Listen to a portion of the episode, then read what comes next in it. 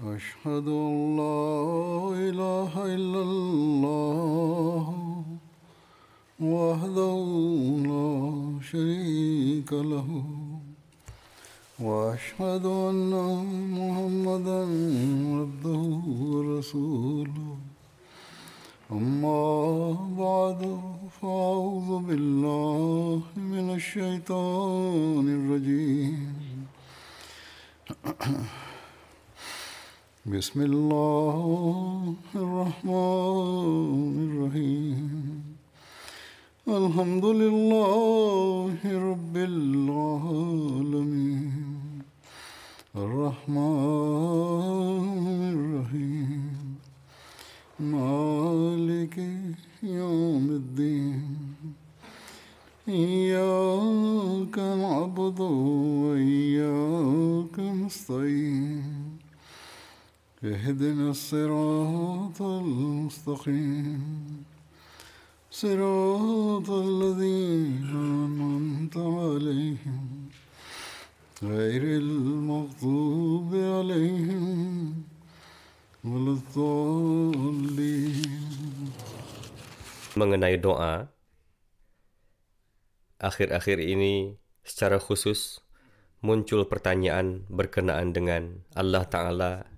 dan doa.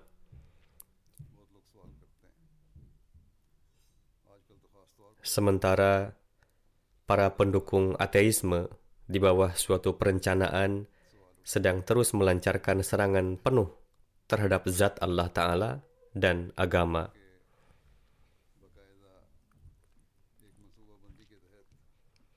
Melalui berbagai sarana, dilakukan upaya untuk menjauhkan manusia dari Tuhan dan agama. Dengan mengenakan jubah rasa simpati kepada manusia, setan berusaha untuk memalingkan mereka dari agama dan Allah Ta'ala.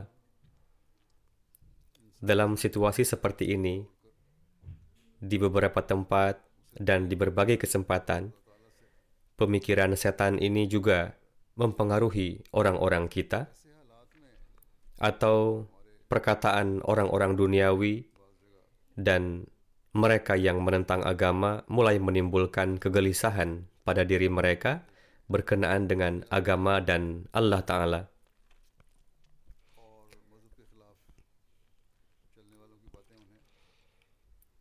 Keraguan mulai muncul di dalam hati mereka yang kurang pengetahuan. Jika mengalami suatu musibah atau menghadapi kegagalan, mereka yang lemah iman dan kurang pengetahuan segera mulai berpikir bahwa apakah agama yang mereka anut itu salah dan sebenarnya tidak mengandung kebenaran, atau zat Allah Ta'ala tidaklah sedemikian rupa bersikap pengasih dan mendengar doa-doa, serta mengeluarkan mereka dari musibah dan ujian.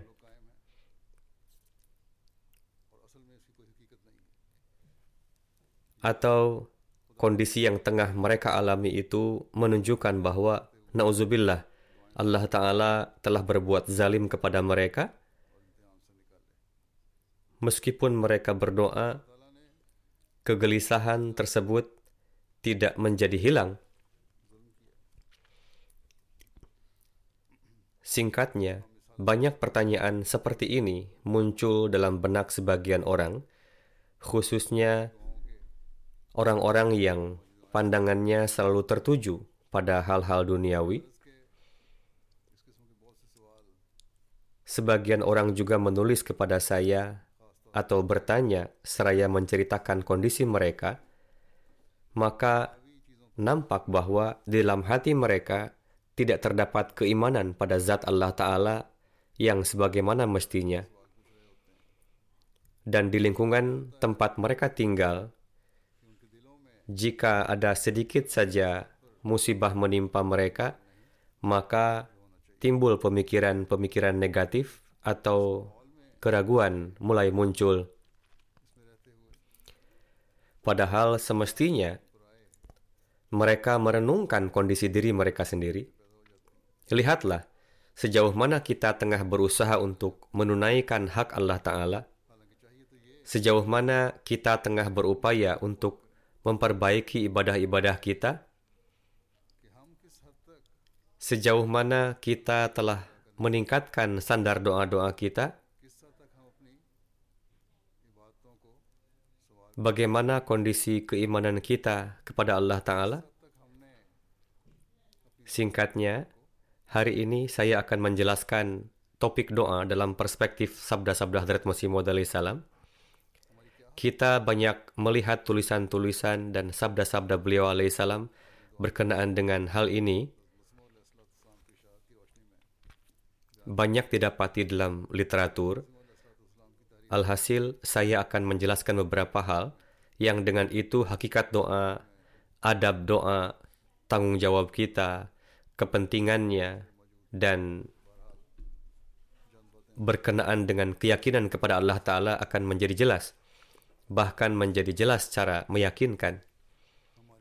Seraya menarik perhatian bahwa dalam kondisi yang baik pun hendaknya kita memberikan perhatian terhadap ibadah kepada Allah Ta'ala dan doa-doa, sehingga doa-doa kita didengar dalam kondisi kesulitan.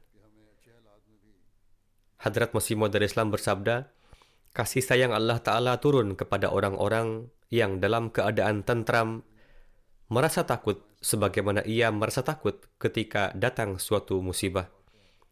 Barang siapa yang dalam keadaan tentram tidak melupakan Allah Ta'ala, maka Allah Ta'ala tidak akan melupakannya di kala musibah.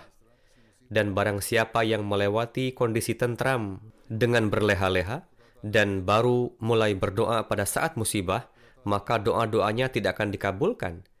Ketika azab ilahi turun, maka pintu taubat menjadi tertutup.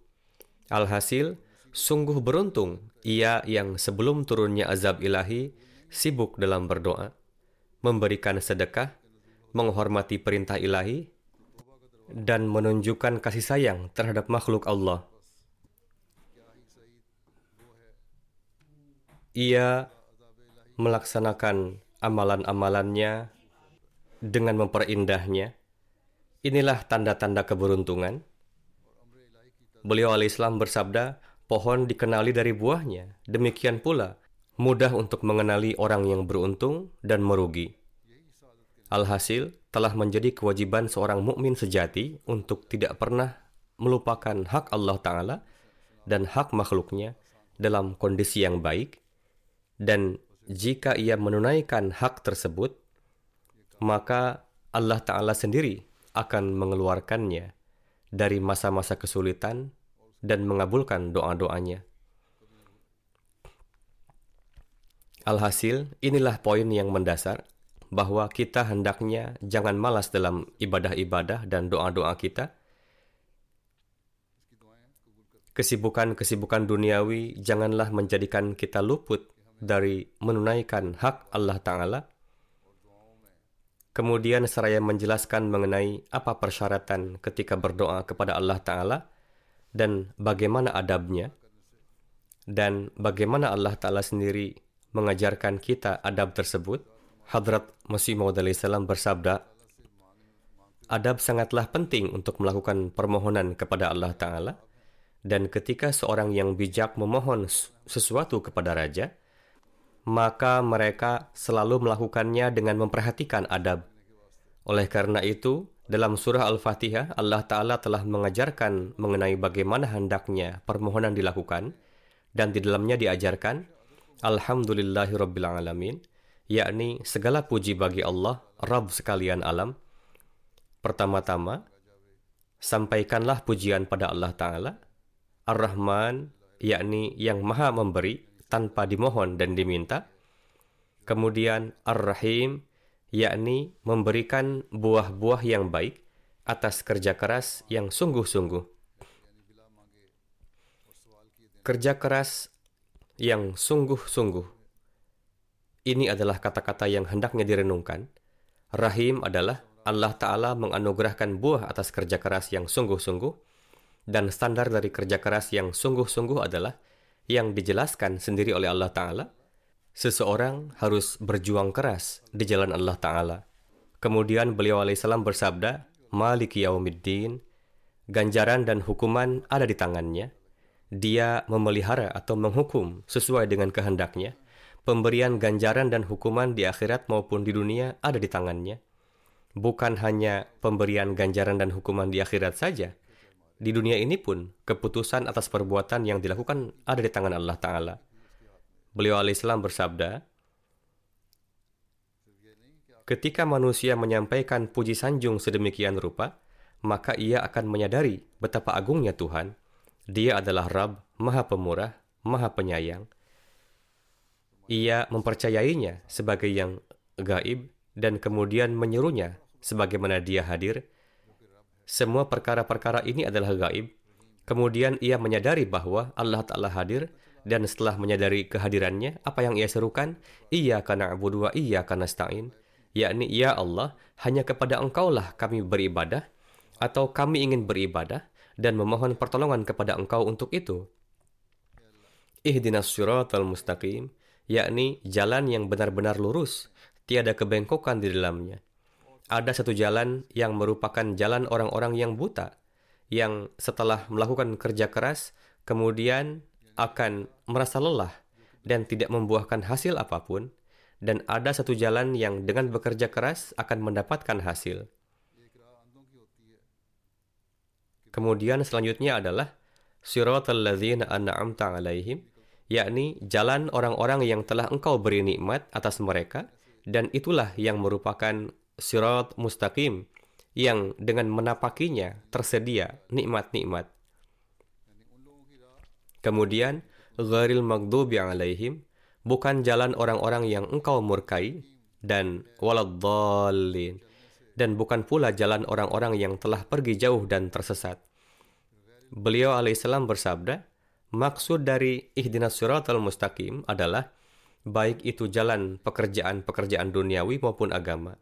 Misalnya ketika seorang tabib mengobati seseorang, jika ia tidak memperoleh suatu surat mustaqim, maka ia tidak bisa melakukan pengobatan.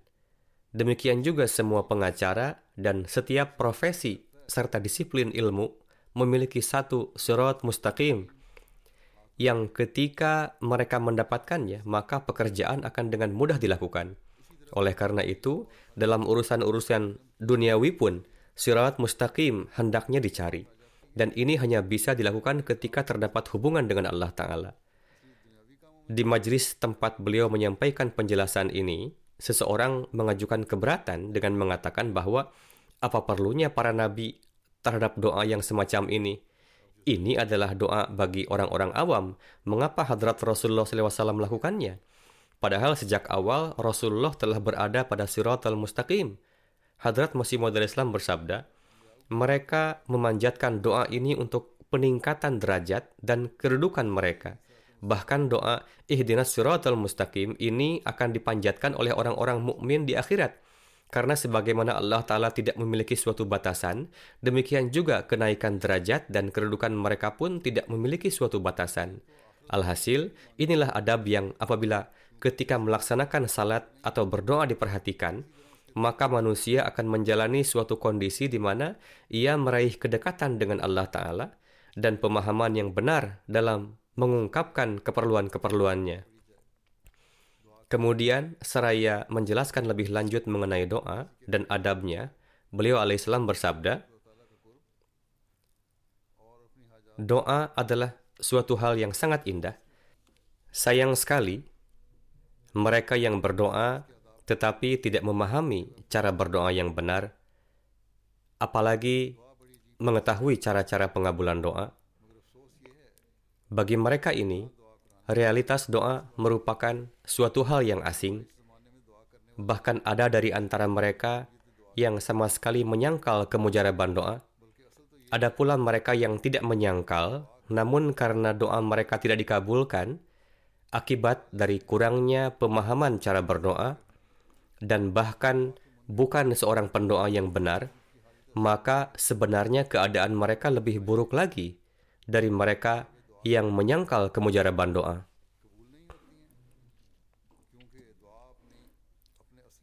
Keadaan seperti itulah yang telah mendorong banyak dari mereka ke arah ateisme.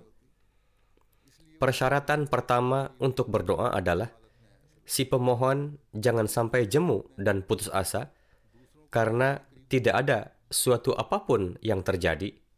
Jangan berpikiran negatif mengenai Allah Ta'ala dengan berpikir tidak akan terjadi apa-apa. Terkadang ada yang mendoa terus sampai sudah akan dikabulkan, tetapi si pemohon kemudian menjadi jemu dan hasilnya mengecewakan serta menimbulkan frustrasi. Frustrasi muncul sebagai akibat dari keraguan atas efektivitas suatu doa dan berakhir menjadi penyangkalan terhadap Tuhan. Mereka bahkan menyatakan, jika memang ada Tuhan yang menerima doa-doa manusia, lantas kenapa doa mereka tidak dikabulkan? Padahal mereka sudah lama memohonkannya.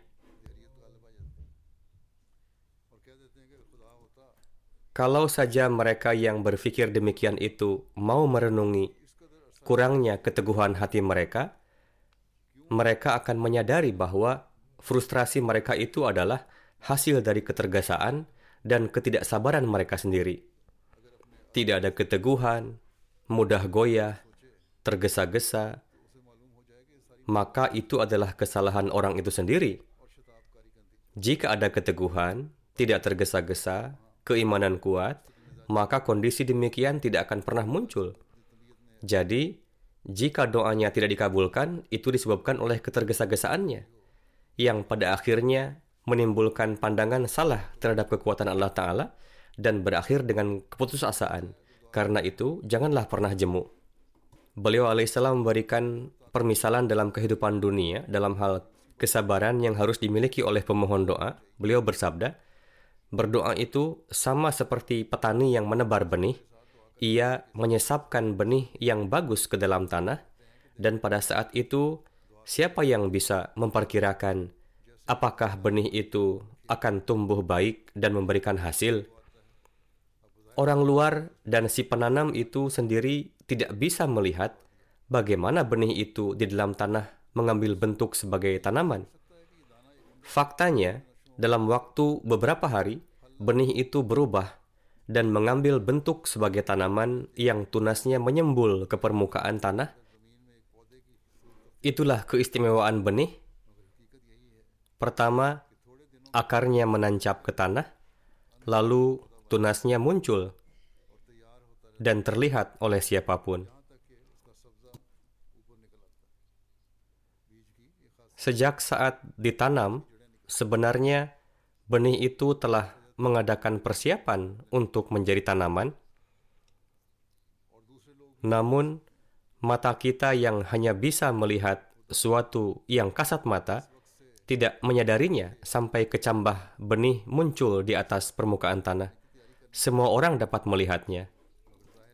Namun seorang anak yang awam pada tahapan demikian tidak bisa memahami bahwa tanaman tersebut akan memberikan hasil hanya pada saatnya berbuah ia menginginkan tanaman tersebut langsung menghasilkan buah.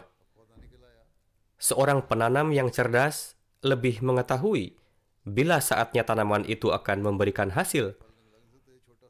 Ia akan menjaganya secara tekun dan merawatnya hingga waktunya tanaman itu menghasilkan buah sampai saat masaknya.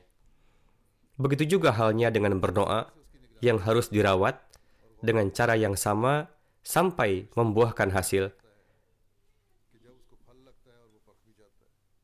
Mereka yang selalu tergesa-gesa akan cepat jemu dan menyerah, sedangkan mereka yang tekun akan berteguh hati, yakni mereka yang bersabar akan terus tekun dalam menempuhnya, disertai doa hingga akhirnya mencapai sasaran. Selanjutnya, dalam menjelaskan standar kesabaran si pemohon doa, beliau alaihissalam bersabda, Sesungguhnya ada beberapa tahapan dalam cara berdoa. yang jika tidak diketahui akan meluputkan si pemohon dari buah hasil doanya. Mereka selalu merasa tergesa dan tidak sabar menunggu, padahal kinerja Allah Ta'ala selalu mengikuti proses tertentu. Tidak pernah terjadi ada manusia yang menikah hari ini, lalu keesokan harinya sudah mendapatkan seorang anak. Meskipun Tuhan itu Maha Kuasa dan bisa melakukan apa pun yang diinginkannya, namun tetap saja dia akan mengikuti kaidah dan sistem yang telah diterapkannya sendiri. Pada tahapan awal dari proses kandungan seorang anak, tidak ada suatu apa pun yang terlihat seperti halnya perawatan tanaman. Sebagaimana pertumbuhan tanam-tanaman, pada awalnya tidak ada kepastian, begitupun proses kelahiran manusia atau hewan.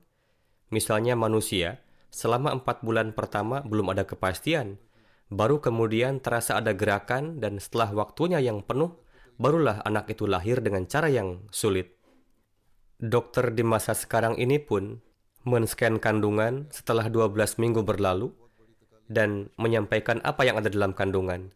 Jadi, meskipun dengan semua teknologi modern, para dokter mengetahui dengan baik kelahiran bayi dan juga melakukan scan kandungan ketika telah berlalu 12 minggu.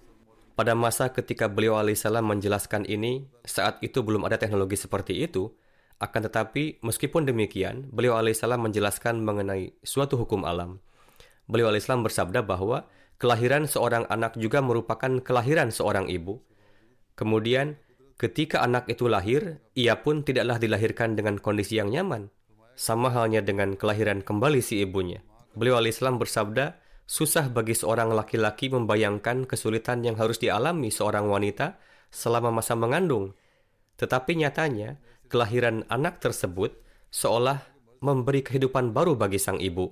Sekarang silahkan renungkan, pertama-tama ia bersedia mati guna kegembiraan telah melahirkan anaknya. Begitu juga halnya dengan seorang pendoa di mana ia harus meninggalkan ketergesaan dan bersedia menanggung semua kesulitan. Jangan tergesa-gesa dan bersabarlah dalam menghadapi penderitaan. Teruslah menyembuhkan diri untuk berdoa dan jangan pernah membayangkan bahwa doanya tidak diterima. Pada saatnya yang tepat nanti hasil doa akan mewujud sebagaimana seorang anak yang menjadi dambaan telah lahir. Suatu doa harus terus ditekuni sampai memberikan hasil yang diharapkan. Perlu untuk membawa doa sampai standar demikian. Beliau bersabda, Kalian tentunya tahu, jika sepotong perca kain ditaruh di bawah kaca pembesar di bawah sinar matahari, sinar yang terkonsentrasi akan menaikkan suhu sampai suatu titik yang membakar perca tersebut. Begitu juga caranya dalam membawa doa sampai kepada titik yang memberikan kekuatan yang membakar segala kegagalan dan frustrasi serta mencapai hasil yang diharapkan. Alhasil, setiap orang yang berdoa akan mengetahui berdasarkan perkiraannya sendiri apakah dia telah meraih standar tersebut ataukah tidak dengan mengutip satu bait perumpamaan dalam bahasa Farsi, beliau alaihissalam bersabda berkenaan dengan Allah Ta'ala, yang artinya, terbukti dari doa bahwa singgasana engkau amatlah tinggi. Beliau bersabda,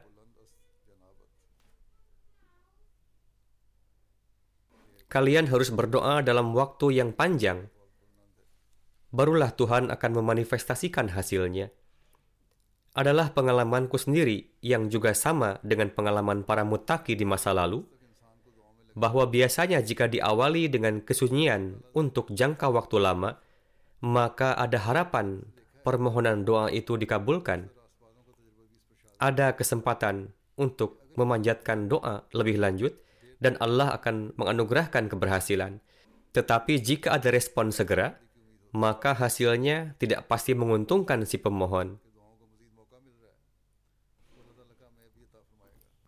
Sebagaimana kita melihat dalam kehidupan dunia, manakala seorang pengemis mendatangi seseorang dan memohon dengan rendah hati dan tekun serta tidak pindah dari tempatnya duduk meski telah diusir dan terus saja memohon, maka yang dimintai walaupun ia bersifat kikir, pada akhirnya akan tergugah untuk memberikan sesuatu. Lantas, tidakkah sepatutnya seorang pemohon doa juga memiliki ketekunan sebagai seorang pengemis?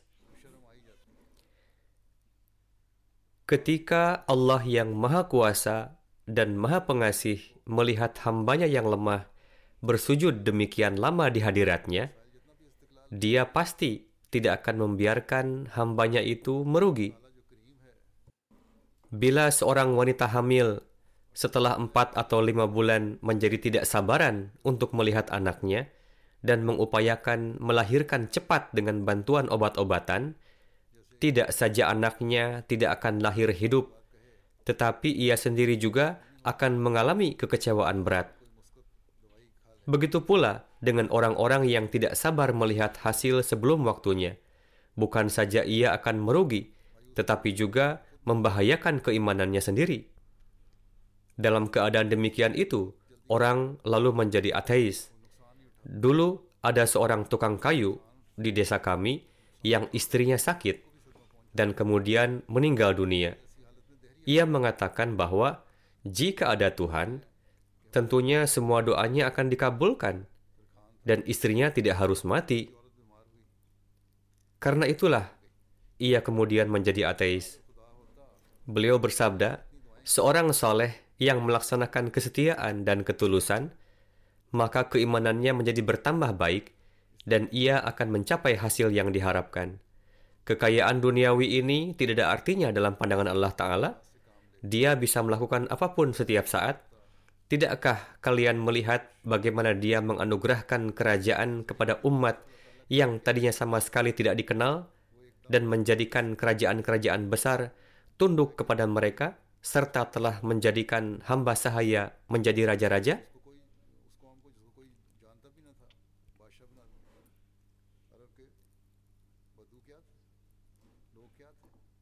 Seorang bertakwa yang menjadikan dirinya milik Tuhan semata akan memperoleh kehidupan luhur sepanjang ia tulus dan bersiteguh hati. Hatinya tidak boleh guncang atau ria ataupun syirik. Apa yang menyebabkan Nabi Ibrahim alaihissalam diakui sebagai bapak agama-agama dan bapak dari orang-orang saleh, serta dianugerahi demikian banyak berkat atas dirinya? adalah ketakwaan dan ketulusan beliau itulah. Coba perhatikan, Nabi Ibrahim alaihissalam telah mengajukan permohonan doa kepada Tuhan agar muncul seorang nabi di Arab dari antara keturunan beliau. Apakah permohonannya dikabulkan secara langsung dan seketika? Setelah sekian lama sepeninggal Nabi Ibrahim alaihissalam dan orang tidak ada lagi yang mengingat doa itu, nyatanya Tuhan kemudian mengabulkan permohonannya dengan menurunkan hadrat Rasulullah SAW yang menunjukkan betapa agungnya pengabulan doa tersebut. Alhasil, sebagaimana juga telah dijelaskan sebelumnya, manusia janganlah hanya berdoa ketika dalam kesulitan, melainkan harus terus berdoa bahkan ketika Allah memberikan kelapangan – seraya menjelaskan bahwa hendaknya ada hubungan satu sama lain antara tubuh dan ruh untuk pengabulan doa dan bagaimana hendaknya hubungan tersebut Hadrat Masih Maud Islam bersabda jika pelaksanaan salat dan puasa tidak diiringi dengan keikhlasan dan ketulusan maka ibadah itu tidak mengandung kebaikan apa pun jika salat banyak dijalankan namun jiwanya tidak kunjung luluh maka salat itu tidaklah berfaedah baginya yogi dan seniasi atau pendeta Hindu, mereka pun menjalankan berbagai pertapaan. Sering tampak bahwa sebagian di antara mereka bahkan membiarkan tangan mereka hingga kurus kering. Mereka mengangkat tangan mereka dan membiarkannya di atas sampai berhari-hari, sehingga tangan mereka menjadi kurus kering. Mereka menempuh latihan-latihan sulit, dan sengaja memasukkan diri mereka ke dalam berbagai kesukaran dan musibah. Tetapi kesulitan-kesulitan ini tidak akan menurunkan nur bagi mereka, dan mereka tidak akan dapat meraih ketenangan dan ketentraman jiwa. Dan justru keadaan diri mereka sendiri yang akan menjadi rusak. Mereka melakukan latihan-latihan lahiriah yang kurang memiliki keterkaitan dengan batin manusia dan tidak berpengaruh pada kerohanian mereka mereka dapat memperlihatkan latihan lahiriah mereka. Mereka menempuh kesukaran demi kesukaran. Mereka bahkan hidup dalam kelaparan dan menanggung penderitaan, tetapi mereka tidak dapat memperlihatkan contoh kerohanian. Oleh karena itulah Allah telah berfirman dalam Al-Quran Syarif, yanalallaha luhumuha wala dima'uha walaki yanaluhu taqwa minkum yakni daging dan darah dari pengorbanan-pengorbanan kalian tidak akan sampai kepada Allah Ta'ala, tetapi hanya takwalah yang sampai kepadanya. Pada hakikatnya, Allah Ta'ala tidak menyukai hal yang tampak, tetapi dia menghendaki kandungan di dalamnya. Kini yang menjadi pertanyaan adalah, jika daging dan darah tidak sampai padanya, dan hanya takwalah yang sampai, maka kini apa perlunya untuk berkorban? Demikian pula, jika salat dan puasa hanyalah ruh semata, maka apa perlunya hal yang zahir? Jika ada yang melakukan salat yang berdoa di dalam hati saja, lalu ia menangis, maka kini apa perlunya lagi gerakan memanjatkan doa di hadapan Allah Ta'ala, seperti halnya juga berbagai corak salat dalam agama terdahulu, yaitu berdiri, ruku, dan sujud. Beliau alaihissalam bersabda, jawabannya adalah, merupakan hal yang pasti bahwa siapa saja yang meninggalkan penghambaan dengan perantaraan tubuhnya, maka ia tidak memahami keadaan rohnya. Dengan itu, ia tidak dapat menimbulkan kerendahan dan penghambaan yang merupakan tujuan utama dari ibadah. Lalu mereka yang hanya mengutamakan gerakan lahiriah, yaitu mereka yang tidak menyertakan roh di dalamnya, sesungguhnya mereka pun jatuh ke dalam kesalahan yang berbahaya. Yogi pun termasuk dalam corak ini, yaitu mereka yang mempergunakan gerakan tubuhnya, di mana hal demikian tidaklah memiliki keterkaitan dengan ruh manusia. Allah Ta'ala telah mengadakan suatu hubungan antara ruh dan tubuh manusia, dan gerakan tubuh memberikan pengaruh kepada ruhnya. Sebagai contoh, jika ada seseorang yang hendak menangis dengan disengaja, maka pada akhirnya ia pun pasti akan sungguh menangis Demikian juga seseorang yang ingin tertawa dengan disengaja, maka dengan sendirinya pun ia akan sungguh tertawa. Jadi, sebagaimana banyaknya gerakan-gerakan salat yang melibatkan tubuh manusia, seperti berdiri, ruku, maka seiring dengan ini, gerakan ini pun akan memberikan pengaruh kepada ruhnya. Kemudian, sebagaimana tubuh memperlihatkan bentuk penghambaan, maka demikian dengan ini terlahir penghambaan yang serupa di dalam ruhnya. Betapapun sikap kerendahan dan penghambaan yang diperlihatkan dirinya, hal tersebut akan lahir di dalam ruhnya. Namun, Tuhan tidak menerima gerakan sujud yang kosong. Jika ia hanya melakukan sujud dan di dalamnya tidak ada kerendahan hati, tidak ada penghambaan, ruhnya tidak selaras dengan gerakannya, maka Allah Ta'ala tidak akan mengabulkan sujudnya. Karena sujud memerlukan suatu hubungan dengan ruh, dan karena inilah derajat yang tertinggi di dalam salat adalah sujud.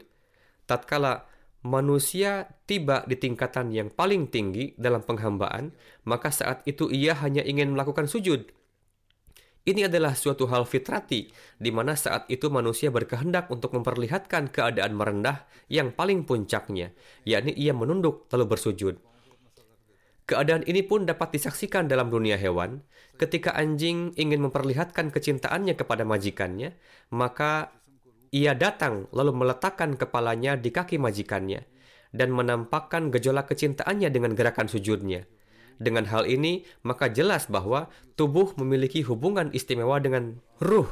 Demikian pula pengaruh dari keadaan-keadaan ruh memberikan warna kepada gerakan tubuhnya.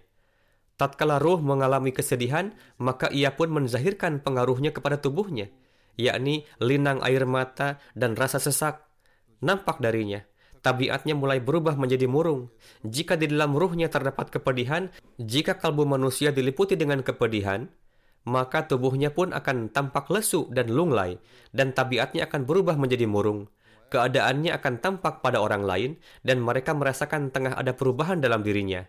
Ia tidak ingin untuk duduk di dalam suatu majelis karena orang-orang akan bertanya apa gerangan yang terjadi padanya. Seandainya tidak ada keterkaitan antara ruh dan jisim, maka mengapa ini dapat terjadi? Jantung pun memiliki tugas dalam hal peredaran darah, namun tidak dipungkiri juga bahwa jantung laksana suatu mesin untuk pengedaran darah ke seluruh tubuh. Darah berputar dengan perantaraan jantung, dan jantung berjalan seperti halnya sebuah mesin. Segala sesuatu berjalan dengan pengaturannya, yakni dari tugas memompa darah oleh jantung inilah, maka semua sistem lantas berjalan. Jadi, keduanya, baik silsilah jasmani dan rohani, berjalan bersama. Jantung memompa darah, lalu berkontraksi, lalu kembali memompa dan berkontraksi. Dan sistem inilah yang menggerakkan pengaturan jasmani manusia, yakni peredaran darah bersumber di sini. Silsilah jasmani dan rohani pun berjalan serupa seperti demikian. Tatkala lahir sikap merendah di dalam ruh manusia, maka hal ini pun tampak dalam tubuh manusia. Maka dari itu, tatkala di dalam kalbu sungguh lahir sikap merendah dan penghambaan, maka pengaruhnya pun serta-merta akan menjadi zahir pada tubuhnya. Demikian pula ketika tubuh menerima suatu respon, maka ruh pun akan menjadi terpengaruh darinya. Oleh karena itu, adalah penting bahwa ketika manusia berdiri di hadapan Allah Ta'ala di dalam salat, maka hendaknya ia pun di dalam dirinya menzahirkan sikap penuh kerendahan dan pengharapan. Meskipun saat itu hal ini merupakan satu corak kesengajaan, yakni ini termasuk dalam corak kesengajaan karena bukan hatinya yang berkehendak, meski demikian ia harus memaksa dirinya untuk menampilkan sikap merendah dan ia harus menjalankannya. Karena dengan perlahan pengaruhnya akan menjadi nyata dan akan menjadi terbiasa menjalankannya. Lalu, lalu ruh dan tubuh keduanya mulai bekerja bersama. Lalu secara pasti di dalam ruh pun menjadi terlahir sikap merendah dan penuh penghambaan. Kemudian ketika telah muncul keadaan seperti ini, maka kelezatan dalam salat pun akan datang dalam diri manusia. Ia hadir di hadapan Allah Ta'ala tidak hanya demi tujuan dirinya, tetapi bahkan ia mencondongkan dirinya dalam ibadah dengan tujuan demi menjalin hubungan dan kecintaan kepada Allah Ta'ala. Kemudian dalam menjelaskan lebih dalam, Huzur alaihissalam bersabda, Sebagian orang mengatakan, kami tidak mendapat kelezatan dalam salat. Sesungguhnya ia tidak mengetahui bahwa kelezatan tidaklah ada di dalam genggamannya, dan kelezatan itu memiliki suatu kedudukan tertentu, yakni ketika seseorang jatuh dalam kepedihan yang sangat tinggi, ia menganggap bahwa kesulitan itu pun merupakan suatu kelezatan. Beliau alaihissalam menerangkan hal ini saat tengah terjadi perang kemerdekaan di Transvaal Orang-orang yang bertempur di Transvaal, beliau sampaikan sebagai contoh di sini, meskipun mereka kehilangan banyak nyawa, para wanita menjadi janda, dan anak-anak menjadi yatim, namun semangat membela bangsa dan tanah air menjadikan mereka menghadang maut dengan kelezatan dan kesenangan. Mereka melakukan pengorbanan demi bangsa mereka. Semangat membela bangsa dan tanah air membuat mereka siap menghadapi maut dengan rasa gembira Bangsa mereka lalu menghargai kerja keras dan pengorbanan mereka. Mereka memiliki satu tujuan bangsa. Tujuan mereka hanya satu, segolongan melakukan berbagai pengorbanan dan ada golongan lain yang menghargai pengorbanan mereka. Di sini mengapa perjuangan mereka harus dihargai? Yakni karena kepedihan dan kesulitan yang mereka hadapi, karena mereka menghadapi berbagai kesukaran, dan karena itulah mereka dihargai. Mereka dihormati karena kerja keras dan pengorbanan mereka, yaitu kesulitan-kesulitan yang mereka pikul dalam meraih kemerdekaan. Jadi, segenap kelezatan dan kenikmatan adalah datang setelah kepiluan. Karena itulah Al-Quran Syarif menyampaikan asas inna ma'al usri yusron jika sebelum kemudahan tidak ada kesulitan, maka kemudahan itu bukanlah benar kemudahan. Demikian pula tatkala orang-orang berkata, kami tidak mendapat kelezatan dalam beribadah, mereka pertama-tama harus merenungi keadaan mereka, betapa besar kesukaran dan kepayahan yang telah mereka tempuh untuk beribadah.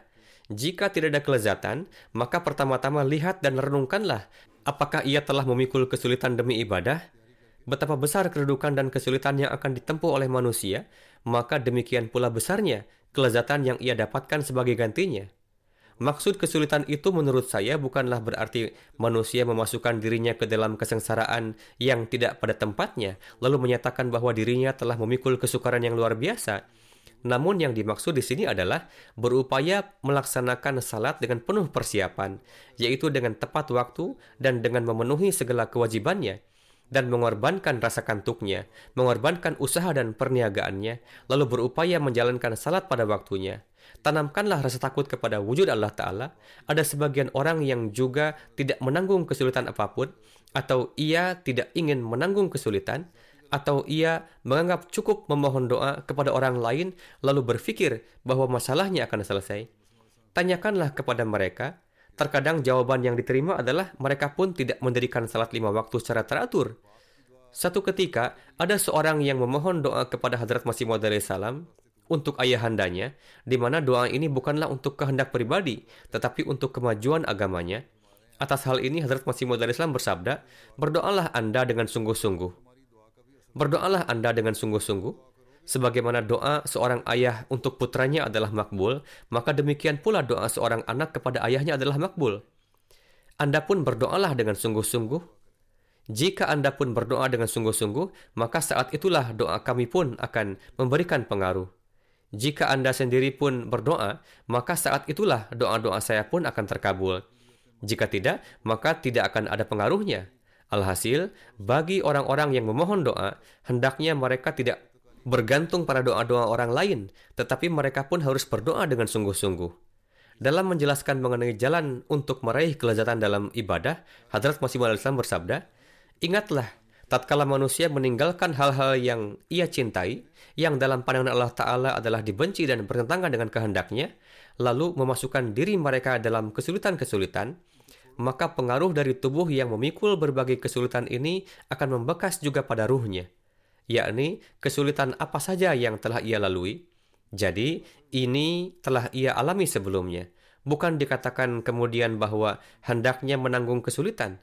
Menanggung kesulitan yakni hendaknya ia meninggalkan hal-hal yang makruh atau dibenci Tuhan, yang bertentangan dengan kehendak Allah Ta'ala. Mereka menanggung kesulitan dalam meninggalkannya, jadi tinggalkanlah itu pengaruh tubuh yang menanggung banyak kesulitan ini akan membekas pada ruhnya. Dengan adanya pengaruh pada ruh, maka bersamaan dengan itu muncul perubahan dalam dirinya. Hingga kemudian ia dengan penuh kerendahan lantas tertunduk sujud di hadapan singgasana ilahi. Demikianlah tatkala kalian menanggung kesulitan-kesulitan, meninggalkan berbagai perkara demi Allah Ta'ala, maka hal ini akan membekas pada ruh. Tatkala ini membekas pada ruh, maka ruh itu akan sujud di hadapan Allah Ta'ala dalam salatnya, sujudnya, dan rukunya. Inilah jalan untuk meraih kelezatan dalam ibadah. Kalian mungkin melihat banyak orang yang memahami bahwa jalan meraih kelezatan beribadah adalah dengan mendendangkan lagu atau membunyikan perkusi, dan inilah yang menjadi ibadah mereka. Mereka menutup mata dan pergi ke tempat tarian sufi, lalu mereka menganggap bahwa mereka telah beribadah atau mereka mendengar lantunan dan menganggap telah beribadah. Janganlah tertipu akan hal itu. Hal-hal ini mungkin memberi kelezatan pada hawa nafsunya, tetapi hal ini sama sekali tidak memberi kelezatan kepada ruhnya. Sifat kerendahan hati dan ketidakberdayaan tidak dapat dilahirkan di dalam ruh dengan perantaraan hal tersebut, dan maksud utama ibadah akan menjadi hilang. Di dalam tempat tarian pun, seorang dapat meraih sedemikian rupa kesenangan. Jika seorang pria mendapat kelezatan seperti itu bahkan dalam lingkungan para pelacur, maka apakah itu dianggap sebagai kelezatan ibadah? Ini adalah hal halus yang tidak dapat difahami oleh bangsa lain karena mereka belum memahami maksud dan tujuan ibadah yang sebenarnya. Dalam memberikan contoh kesetiaan Hadrat Ibrahim alaihissalam dan menempatkan dirinya dalam kesulitan demi Allah Ta'ala, dan sebagai akibatnya bagaimana perlakuan Allah Ta'ala, beliau alaihissalam bersabda, Cara mendekatkan diri kepada Allah Ta'ala adalah dengan menunjukkan keikhlasan kepadanya. Inilah alasan kedekatan yang dicapai oleh Hadrat Ibrahim alaihissalam. Sebagaimana difirmankan, wa Ibrahim alladhi waffa. Ibrahim adalah Ibrahim yang menunjukkan kesetiaan. Menunjukkan kesetiaan dan ketulusan serta keikhlasan hati kepada Tuhan menuntut suatu maut sebelum seseorang siap untuk melepaskan dunia dan semua kesenangan dan kegembiraannya, dan siap untuk menerima setiap penghinaan, kesulitan, dan kedukaan demi Tuhan, kualitas ini tidak dapat tercipta. Penyembahan berhala tidak hanya berarti seseorang menyembah pohon atau batu, melainkan segala sesuatu yang menghalangi kedekatan dengan Allah Ta'ala dan mendapatkan keutamaan adalah berhala, dan manusia menyimpan begitu banyak berhala dalam dirinya, sehingga dia bahkan tidak menyadari bahwa saya sedang melakukan penyembahan berhala. Jadi, sebelum seseorang mengikhlaskan dirinya semata-mata untuk Allah Ta'ala, dan sebelum siap menanggung setiap kesulitan di jalannya, maka akan sulit untuk mengembangkan warna ketulusan dan keikhlasan. Apakah Ibrahim alaihissalam menerima gelar tersebut begitu saja? Tidak. Suara yang mengatakan Ibrahim alladhi wafa datang ketika beliau bersedia mengorbankan putranya. Allah menginginkan tindakan dan dengan tindakanlah dia akan senang. Adapun tindakan berasal dari penderitaan, tetapi ketika seseorang siap menderita untuk Tuhan, Allah tidak akan membuatnya menderita. Lihatlah, ketika Ibrahim ingin mengorbankan putranya untuk mematuhi perintah Allah Ta'ala dan mempersiapkan semuanya, Allah Ta'ala menyelamatkan putranya. Beliau dilemparkan ke dalam api, tetapi api tidak dapat berpengaruh apa-apa. Jika Anda bersedia menderita di jalan Allah Ta'ala, maka Allah menyelamatkan Anda dari penderitaan. Di tangan kita adalah tubuh, bukan jiwa. Dia berkata bahwa tubuh ada di tangan kita, bukan jiwa. Tetapi tidak diragukan lagi bahwa jiwa atau ruh berhubungan dengan tubuh dan perkara jasmani berpengaruh pada jiwa. Oleh karena itu, jangan pernah berpikir bahwa tubuh tidak berpengaruh pada jiwa.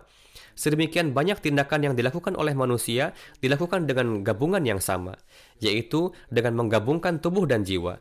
Tubuh yang terpisah atau jiwa tidak melakukan kebaikan atau kejahatan. Inilah sebabnya hubungan antara keduanya telah diperhitungkan dalam hukuman dan ganjaran. Sebagian orang, karena tidak memahami rahasia ini, berkeberatan dengan mengatakan bahwa surga umat Islam adalah bersifat jasmani. Padahal mereka bahkan tidak tahu, yakni ketika tubuh itu menyertai pada saat melakukan perbuatan, lantas mengapa tubuh harus dipisahkan pada saat hukuman? Tujuannya agar Islam memberikan jalan adil dan seimbang dengan meninggalkan kedua cara yang berlebihan. Kedua hal tersebut merupakan hal yang berbahaya dan harus dihindari. Penyiksaan yang terpisah tidak menghasilkan apa-apa dari tubuh dan dengan menuntut kenyamanan belaka tidak menghasilkan apa-apa. Menempatkan tubuh dalam masalah tidak ada gunanya dan jika engkau hanya mencari kesenangan maka tidak akan ada gunanya. Penting untuk menyatukan jiwa dan tubuh. Cobaan juga datang pada saat berdoa. Hadrat Masih Maud memberikan contoh kaum Nabi Musa, bagaimana mereka menderita, Beliau bersabda, untuk setiap pekerjaan ada masanya, dan orang yang baik akan bersabar menunggunya. Dia yang tidak menunggu dan menginginkan hasilnya segera, tergesa-gesa, dan tidak akan berhasil. Menurut hemat saya, mungkin juga, dan memang terjadi, bahwa pada masa penantian doa, cobaan terus bermunculan sebagai bentuk ujian. Seperti ketika Hadrat Musa alaihissalam datang untuk membebaskan Bani Israel dari perbudakan Fir'aun, mereka diberi tugas untuk meletakkan batu bata selama setengah hari dan melakukan pekerjaannya sendiri selama setengah hari lainnya di Mesir. Mereka biasa libur setengah hari. Setengah hari untuk melakukan pekerjaan Fir'aun. Tetapi ketika Hadrat Musa alaihissalam berusaha memerdekakan mereka, maka pekerjaan Bani Israel ditingkatkan disebabkan oleh kejahatan mereka. Sebagai hukuman, mereka disuruh membawa batu bata selama setengah hari dan mengambil rumput selama setengah hari. Itu untuk mengerjakan pekerjaan Fir'aun. Mereka tidak punya waktu untuk diri mereka sendiri. Ketika Hadrat Musa menerima perintah ini dan menyampaikannya kepada Bani Israel, mereka sangat marah dan berkata, Musa, semoga Tuhan memberimu penderitaan seperti yang telah kami terima mereka melontarkan doa-doa buruk lainnya juga. Namun Nabi Musa memberi tahu mereka untuk bersabar. Seluruh cerita ini tertulis dalam Taurat bahwa ketika Musa alaihissalam menghibur mereka, mereka menjadi semakin marah. Akhirnya diusulkan untuk melarikan diri dari Mesir. Diusulkan untuk bermigrasi dari sana. Dan mereka membawa serta pakaian dan perkakas orang Mesir mereka membawa apa pun yang mereka temukan. Ketika Hadrat Musa alaihissalam berangkat bersama kaumnya, Fir'aun mengejarnya dengan pasukannya. Ketika Bani Israel melihat tentara Fir'aun di dekat mereka, mereka sangat cemas, sehingga tertulis dalam Al-Quran bahwa pada saat itu mereka berteriak dan berkata, Inna lamudrakun, bahwa hai Musa, kita akan tertangkap. Tetapi Musa alaihissalam yang melihat akhir dengan mata kenabian, memberinya jawaban ini, Kalla, inna ma'iya rabbi sayahdin. Tidak mungkin. Tuhanku bersamaku. Tertulis dalam Taurat bahwa mereka juga bertanya, apakah tidak ada kuburan bagi kami di Mesir? Dan kekhawatiran ini muncul karena pasukan Firaun berada di belakang dan sungai Nil di depan. Mereka mengatakan bahwa jika kita tinggal di Mesir, kita akan mati juga di sana. Kita akan dikuburkan juga di sana. Mereka sekarang dalam kesulitan besar karena ada sungai di depan, sementara pasukan di belakang mereka yang akan membunuh mereka semua. Mereka sangat khawatir. Beliau bersabda bahwa mereka menyaksikan bahwa mereka tidak dapat melarikan diri dengan mundur ataupun maju. Tapi Allah adalah Tuhan yang Maha Kuasa. Mereka menemukan jalan melalui sungai Nil dan semua Bani Israel menyeberang dengan mudah sedangkan pasukan Firaun tenggelam. Ini merupakan mukjizat agung bahwa Allah Ta'ala menciptakan jalan bagi mereka pada saat seperti itu. Dan inilah yang terjadi pada orang yang bertakwa bahwa dia mendapat kemudahan dan jalan dari setiap kesulitan. Ya ja'allahu makhraja. Alhasil, sepanjang waktu jeda atau interval di antara pengajuan permohonan doa dengan pengabulannya, seseorang terkadang ditimpa cobaan demi cobaan, beberapa di antaranya bisa mematahkan pinggangnya seorang pemohon yang bersiteguh dan berfitrat baik akan mencium keharuman karunia ilahi dalam masa cobaan dan kesulitan tersebut dan fikirannya menyadari bahwa cobaan tersebut akan diikuti oleh pertolongan ilahi. Salah satu aspek dari cobaan demikian adalah lebih tingginya hasrat berdoa. Tambah berat kegalauan yang diderita si pemohon, tambah mencair kalbunya. Hal inilah yang menjadi salah satu faktor pengabulan doa. Timbulnya ratapan, rintihan tangis, dan bertambahnya perhatian akan doa-doa merupakan bukti bahwa Allah Ta'ala ingin mengabulkan doa-doa. Karena itu, janganlah patah hati dan jangan berprasangka buruk terhadap Tuhan hanya karena ketidaksabaran dan kegelisahan. Jangan pernah berpikir bahwa doanya tidak dikabulkan atau tidak akan dikabulkan. Pandangan demikian merupakan penyangkalan terhadap fitrat ilahi bahwa dia mengabulkan doa-doa. Jika terjadi demikian, maka dapat mengantarkan pada ateisme. Sebagaimana pada masa ini, segenap fokus para penentang Islam adalah tertuju pada agama dan Allah Ta'ala, yakni bagaimana menggelincirkan kalbu dengan pemikiran apa yang sudah Tuhan berikan kepadamu, apa manfaat agama. Agama membuat kita malas, agama menimbulkan ilusi dalam benak kita, dalam kondisi seperti ini, setiap Ahmadi bertanggung jawab untuk menciptakan jalinan yang kuat dengan Allah Ta'ala. Jangan hanya bersifat sementara atau ketika perlu saja, bahkan lakukanlah ibadah dan jalinlah hubungan dengan Allah Ta'ala, walaupun dalam keadaan damai dan nyaman, dan jagalah ibadah-ibadah kita, dan timbulkanlah keyakinan akan doa. Jadi, inilah tanggung jawab seorang Ahmadi. Inilah hak bayat yang harus dipenuhi. Hadrat Akdas Musi Maud salam bersabda, Jemaat kita perlu meningkatkan keimanannya, semoga tercipta keyakinan dan ma'rifat akan Allah Ta'ala. Jangan lengah dan lelah dalam beramal saleh, karena jika malas, maka berwudu juga akan dianggap sebagai suatu kesulitan. Terlebih tahajud. Bangun untuk tahajud merupakan hal yang luar biasa, wudhu untuk salat lima waktu pun akan dirasa sulit.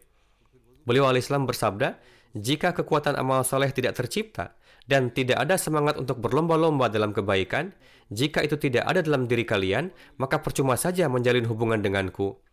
Jadi, kita harus berusaha untuk meningkatkan hubungan kita dengan Allah Ta'ala dengan mengerahkan segenap perhatian. Jika hubungan hakiki ini tercipta, maka kita pun akan menyaksikan pemandangan terkabulnya doa-doa. Semoga Allah telah menganugerahkan taufik kepada kita. Pada hari-hari ini banyaklah berdoa, khususnya bagi para Ahmadi di Pakistan. Upaya sedang dilakukan untuk menciptakan lebih banyak kesulitan bagi para Ahmadi di sana. Demikian pula doakan juga untuk para Ahmadi Aljazair. Di sana pun saat ini para penentang tengah memanas dan menimbulkan banyak masalah. Demikian pula di tempat-tempat lain di mana para Ahmadi menghadapi kesulitan. Semoga Allah Ta'ala melindungi setiap Ahmadi di mana pun dan menyelamatkan mereka dari setiap masalah dan menghancurkan para musuh.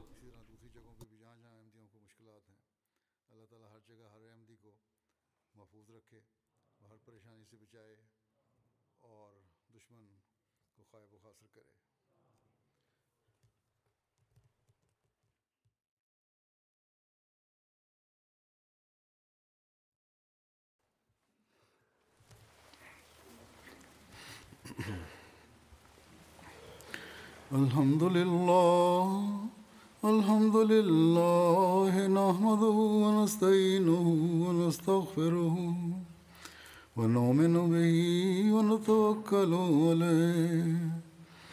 ونعوذ بالله من شرور أنفسنا ومن سيئات أعمالنا. من يهده الله فلا مضل له ومن يضلل فلا هادي له. ونشهد أن لا إله إلا الله. ونشهد أن محمدا عبده ورسوله. عباد الله رحمكم الله. إن الله يأمر بالعدل والإحسان. وإيتاء ذي القربى وينهى عن الفحشاء والمنكر والبغي يعظكم لعلكم تذكرون. اذكروا الله يذكركم وادعوه يستجب لكم ولذكر الله أكبر.